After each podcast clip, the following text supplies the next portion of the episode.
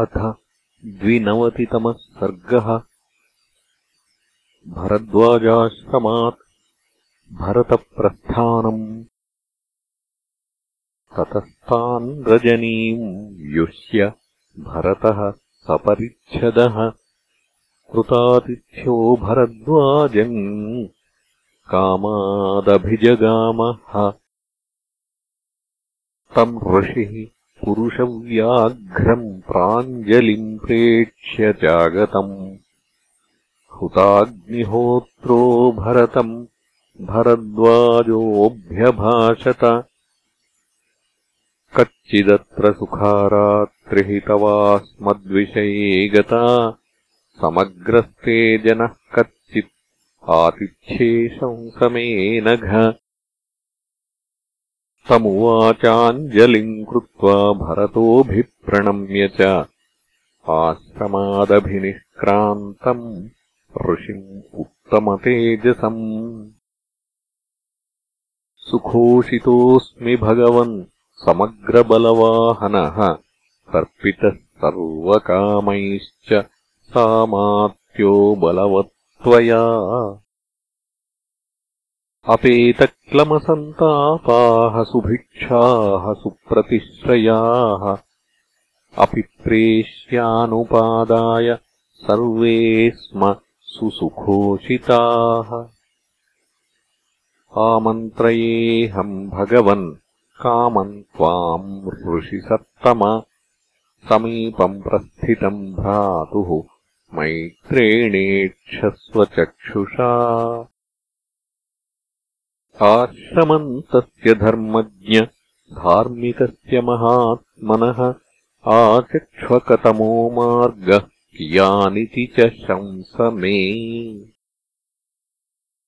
इति पृष्टस्तु भरतम् भ्रातृदर्शनलालसम् प्रत्युवाच महातेजा भरद्वाजो महातपाः। भरतार्धतृतीयेषु योजनेष्वजने वने चित्रकूटो गिरिस्तत्र रम्यनिर्झरकाननः। उत्तरम् पार्श्वमासाद्य तस्य मन्दाकिनी नदी। पुष्पितद्रुमसञ्छन्ना रम्यपुष्पितकानना।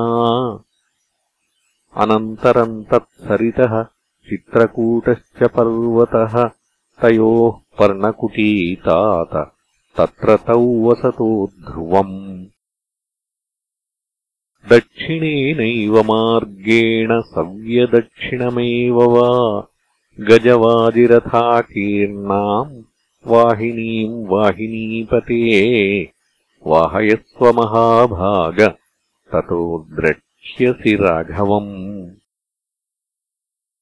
प्रयाणमिति तच्छ्रुत्वा राजराजस्य योषितः हित्वा यानानि यानार्हा ब्राह्मणम् पर्यवारयन्।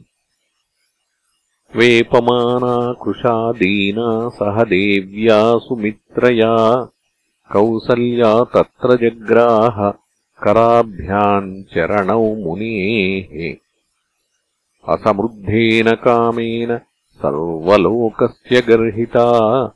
कैकेयी तस्य जग्राह चरणौ सव्यपत्रपा। तम् प्रदक्षिणमागम्य भगवन्तम् महामुनिम्। अदूराद्भरतस्यैव तस्थौ दीनमनास्तदा। ततः पप्रच्छ भरतम् भरद्वाजो दृढव्रतः विशेषम् ज्ञातुमिच्छामि। मातॄणाम् तव राघव। एवमुक्तस्तु भरतो भरद्वाजेन धार्मिकः। उवाच प्राञ्जलिर्भूत्वा वाक्यम् वचनकोविदः। यामिमाम् भगवन् दीनाम् शोकानशनकर्षिताम्। पितुर्हि महिषीम् देवीम् देवतामिव पश्यसि। एषा तम् पुरुषव्याघ्रम् सिंहविक्रान्तगामिनम् कौसल्यासुषुवे रामम् धातारम् अदितिर्यथा। अस्या वामभुजम् श्लिष्टा यैषा तिष्ठति दुर्मनाः इयम् सुमित्रा दुःखार्ता देवी राज्ञश्च मध्यमा। कर्णिकारस्य शाखेव शीर्णपुष्पावनान्तरे। एतस्यास्तु स्तौ देव्याः कुमारौ देववर्णिनौ उभौ लक्ष्मणशत्रुघ्नौ वीरौ सत्यपराक्रमौ यस्याः कृते नरव्याघ्रौ जीवनाशमितो गतौ।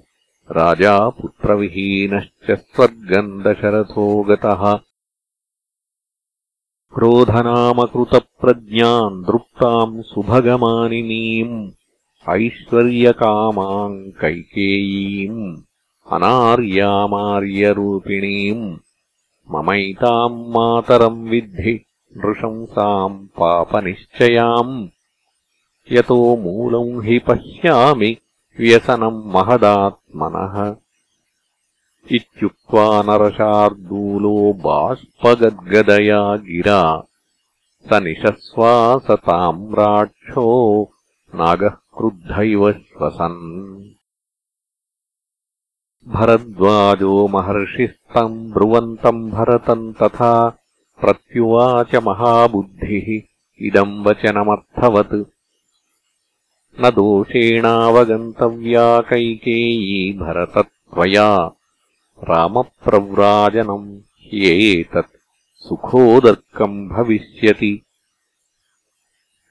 देवानाम् दानवानाम् च ऋषीणाम् भावितात्मनाम्। हितमेव भविष्यद्धि रामप्रव्राजनादिह। अभिवाद्यतु संसिद्धः कृत्वा चैनम् प्रदक्षिणम्। आमन्त्र्य भरतः सैन्यम् युज्यतामित्यचोदयत्। ततो वाजिरथान् युक्त्वा दिव्यान् हेमपरिष्कृतान् अध्यारोहत्प्रयाणार्थी बहून् बहुविधो जनः गजकन्यागजाश्चैव हेमकक्ष्याः पताकिनः। जीमूता इव घर्मान्ते सघोषाः सम्प्रतस्थिरे। विविधान्यपि यानानि महान्ति च लघूनि च। प्रययुः सुमहार्हाणि पादैरेव पदातयः।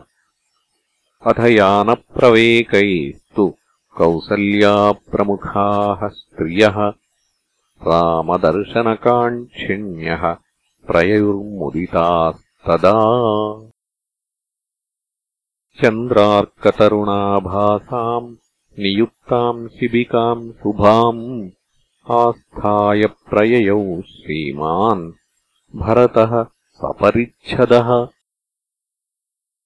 सा प्रयाता महासेना गजवाजिरथाकुला दक्षिणाम् दिशमावृत्य महामेघैवोत्थितः वनानि तु व्यतिक्रम्य जुष्टानि मृगपक्षिभिः गङ्गायाः परवेलायाम् गिरीष्वपि नदीषु च। सा सम्प्रहृष्टद्विपवाजियोधा वित्रासयन्ती मृगपक्षिसङ्घान् महद्वनम् तत्प्रतिगाहमाना प्रराजसेना भरतस्य तत्र। इत्यार्षे श्रीमद् रामायणे वाल्मीकीये आदिकाव्ये अयोध्याकाण्डे द्विनवतितमः सर्गः